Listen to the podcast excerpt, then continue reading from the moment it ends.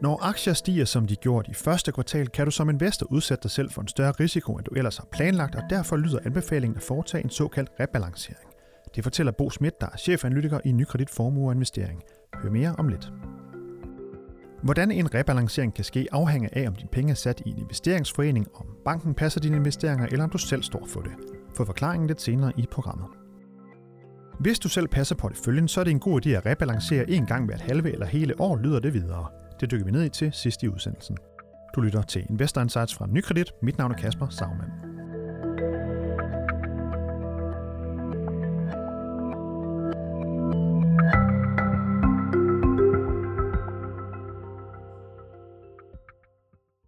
Første kvartal af 2019, det var jo nærmest en lang optur på aktiemarkederne, hvor blandt andet det toneangivende amerikanske S&P 500-indeks, det gav et afkast på 13 procent. Og det er faktisk den bedste start på året i mere end 20 år for det indeks. Men en lang periode med stigende kurser, det kan også give nogle nye udfordringer for investorerne. Det er budskabet fra ugens gæst. Velkommen til dig, Bo Schmidt. Jo, tak. Chefanalytiker i Nykredit Formue og Investering, og vi skal høre lidt om, hvad det er, det går ud på, det her med, med de her udfordringer, det giver med, med stigende aktiekurser blandt andet.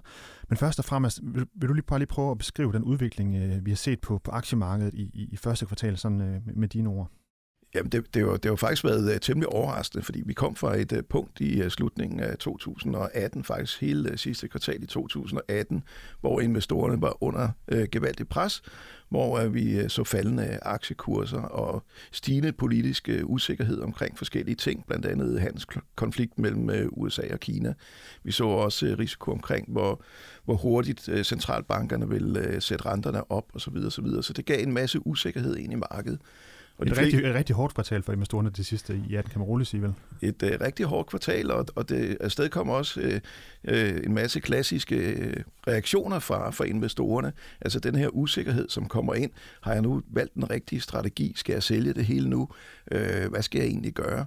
Og uh, lidt klassisk også, kan man sige, at, at som lyn fra en klar himmel. Uh, så kommer der nogle, øh, nogle begivenheder, som pludselig får, får markedet til at stige i første kvartal her. Og det er jo... Og hvad er det for nogle for eksempel? Jamen det er jo faktisk, at, øh, at, at det ser ud til, at øh, det er ikke sket nu, men det ser ud til, at, øh, at USA og Kina vil lande en handelsaftale, som, øh, som, som begge parter kommer fornuftigt ud af centralbankerne har været ude og sige, at nu, øh, nu øh, sætter vi lige en fod på bremsen i forhold til hastigheden af de rentestigninger, som vi har annonceret. Og det er jo altså noget, markedet godt kan lide, at vi får fjernet usikkerheden. De her ting omkring øh, Brexit, det har også fået mindre fokus, fordi det ser ud til, at der kommer en eller anden løsning. Det vil stadig have nogle konsekvenser. Men ja, senest i nat har der været fremskridt i, i den sag, men det, det, det sidste er nok ikke skrevet i den sag alligevel.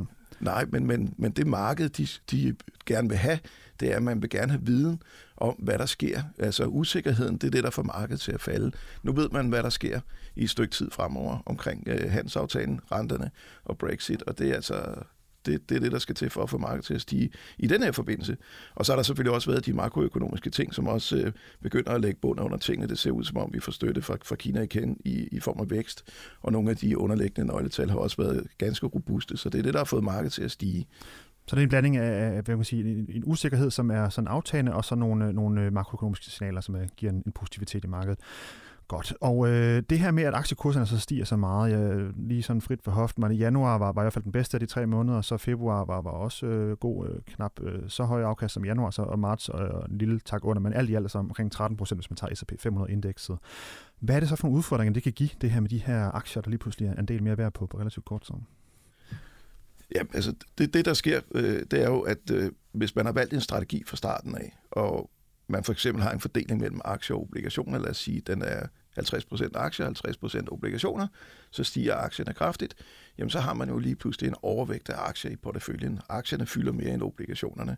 Det er jo dejligt, fordi jeg har tjent nogle penge, men det betyder så også, at du udsætter selv for en risiko, når markedet så begynder at falde igen. Du, så vil din, din værdi der vil falde hurtigere, end det du egentlig har planlagt. Du har en større risiko, end, øh, end det du har planlagt fra starten af. Og det betyder altså, at, øh, at hvis man skal fastholde den øh, strategi, som man har taget fra starten, og dermed kunne indfri sine øh, økonomiske mål, jamen så, så er det vores anbefaling, at man så rebalancerer, som vi siger. Det betyder, at man sælger aktierne ud, dem der er steget, sådan så de kommer tilbage til udgangspunktet. Så man igen har for eksempel 50% af aktier og, og obligationer ud fra, ja. fra en samlet portefølje. Mm. Og, og den her fordeling, øh, hvor øh, er det altid 50% 50, eller det, det er det ikke forestiller mig? Nej, man kan sige, det, det, det det er jo et eksempel, som, som jeg tager frem her, men, men selve funktionen er den samme, uanset hvilken risiko du har valgt at have som, øh, som investor. Hvis du har valgt at have 80% obligationer og 20% aktier, så vil metodikken være den samme. Dine aktier de vil fylde mere end de 20%, hvis de stiger, og på et eller andet tidspunkt, så skal du beslutte dig til, okay, nu er min risiko, den er faktisk øh, meget højere, end, øh, end, end jeg havde planlagt fra starten af. Hvad skal jeg gøre ved det? Ja, og det er så mit næste spørgsmål. Hvad skal man gøre ved det? ja, men altså, det man skal gøre, det er, at man, man skal rebalancere. Man skal, man skal sælge fra, så man kommer tilbage til udgangspunktet, så man bevarer den risiko, som man har valgt. Øh, og og øh, det, der, det der er det rigtige... Ja, hvordan gør man det så egentlig? Jamen altså, i praksis, så er det jo... Øh, altså, i, hvis vi tager det tekniske, så er det jo rigtig enkelt, fordi så, hvis jeg har en investeringsforening, som både har aktier og obligationer, så behøver jeg ikke at gøre noget, fordi så gør investeringsforeningen det for mig. Den har jo lovet at have en bestemt strategi, og den, øh, det holder den selvfølgelig, så den sørger for at rebalancere løbende undervejs. Hvis jeg, har, hvis jeg har valgt at sætte banken til at pleje mine penge, så er der normalt også en, øh, en øh, rebalancering med i den pleje. Så, så der har man faktisk øh, styr på, på det her, og fint styr på sin risiko. Hvis man selv passer sine penge, og eventuelt gør det sammen med en rådgiver, så skal man sørge for at tage de her beslutninger. Og det, er jo, det lyder jo meget enkelt at sige, når, så, når, når markedet, aktiemarkedet er steget, så sælger jeg nogle aktier.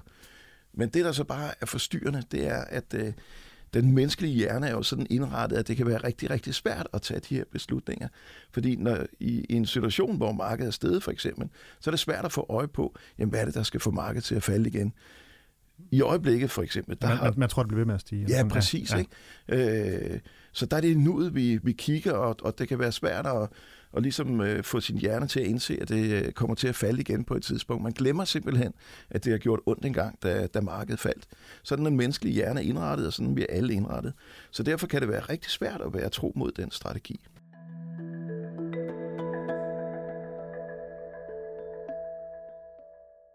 Ja, og hvis man så øh, for eksempel øh, selv sidder og, og, og styrer det, bare lige for at tage den øh, kort, og man så siger, okay, nu har jeg lige pludselig en stor andel aktier, nu skal jeg sælge nogle af dem, så kan der også være en praktisk i, hvad er det så for noget, man skal sælge egentlig?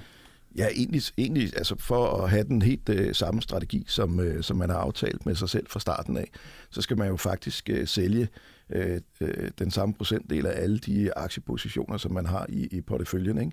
I praksis så vil man jo rebalancere en professionel vil rebalancere, så man har den strategi, som man gerne vil have. Man har øh, de sektorer, man gerne vil have. Man har den geografi, øh, geografisk, geografiske fordeling, man gerne vil have, øh, og så videre. Men, men, men i praksis er der jo nogle investeringsvalg, man skal foretage, så det kan jo godt blive, det er en omstændig øh, omgang, hvis man, hvis man har en større portefølje med mange forskellige papirer. Det er en meget nem omgang, hvis man har investeringsforeninger, måske et par aktiefonde, et par obligationsfonde måske, øh, så er det jo meget nemt at rebalancere dem. Så er det kun nogle få handler, der skal til, nogle få beslutninger. Men øh, hvis man har mange enkeltpapirer og så videre, så, så, så kan det være sværere. Så er det et større regneark, man skal ja. sidde og kigge ja.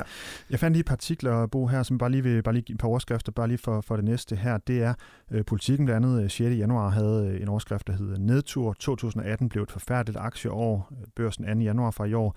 Aktier, kolon, amerikanske plusser på sidste handelsdag i et ellers elendigt 2018.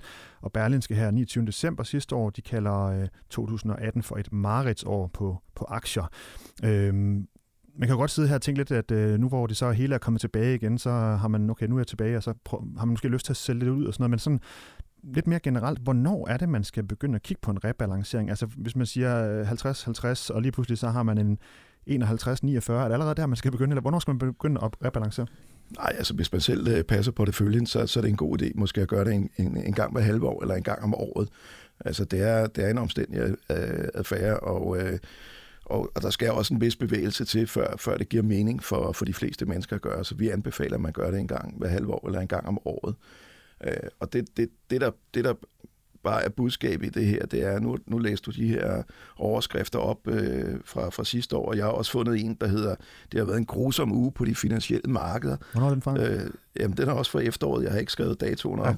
Øh, og de, de ledende amerikanske aktier øh, faldt med over 3 procent, og det blev fuldt op af store fald i Europa. Når vi snakker, øh, når vi snakker rebalancering, så er det jo for eksempel den dag, som du skal købe flere aktier, fordi dine aktier de fylder for lidt i din portefølje. Øh, og når aktierne fylder for lidt i din portefølje, lad os sige, at din aktieandel er gået fra 50 til, til 40 procent, jamen hvorfor skal du så rebalancere der, når alt ser sortest ud? Jamen det skal du, fordi at når aktierne begynder at stige igen, og det gør de på et eller andet tidspunkt, der er ingen, der ved hvornår, men når de begynder at stige igen, så vil du ikke få det afkast, som du har bestilt via den strategi, som du har valgt. Så får du en mindre afkast, og det vil sige, at du får færre penge til at købe de ting, du gerne vil, når du går på pension. Du kan måske ikke købe den bil, du gerne vil, som du har planlagt osv., fordi afkasten ikke bliver, som øh, vi har planlagt. Så det handler om at fjerne øh, det, der er det tilfældige ved at investere, og det, der er måske er held eller uheld ved at investere, og så gør det til noget rationelt, og gøre det til noget strategisk at investere i stedet for, så du er herre over udviklingen i stedet for at du bliver ført med i udviklingen. Og hvis man sidder her bare lige mod slutningen og, og, og sidder og hører og, omkring det her rebalancering, og man tænker, hvis man godt kunne tænke sig at vide lidt mere om det, eller ja, i hele taget jo blive klogere på, på, på det her med rebalancering, hvornår, øh, om det er noget, man ligesom selv skal forholde sig til, og hvordan og, og hvornår og sådan noget. Hvad har du godt råd til, til folk, der godt kunne tænke sig at lige at blive lidt klogere på det? Altså, vi har skrevet lidt omkring det inde på, på vores forskellige sites. Der står blandt andet noget inde på nykreditinvest.dk. Der er en, øh, der er en artikel om det, øh, hvor, der, hvor vi også har skrevet nogle eksempler på, hvad det er for en betydning, som øh, rebalanceringerne har. Og ellers så er det jo øh, at snakke med rådgiveren. Som sagt, så hvis man, hvis man har investeringsforeninger, som både har ap, øh, aktier og obligationer i strategien, så er der taget hold om øh, rebalancering øh, i den fond.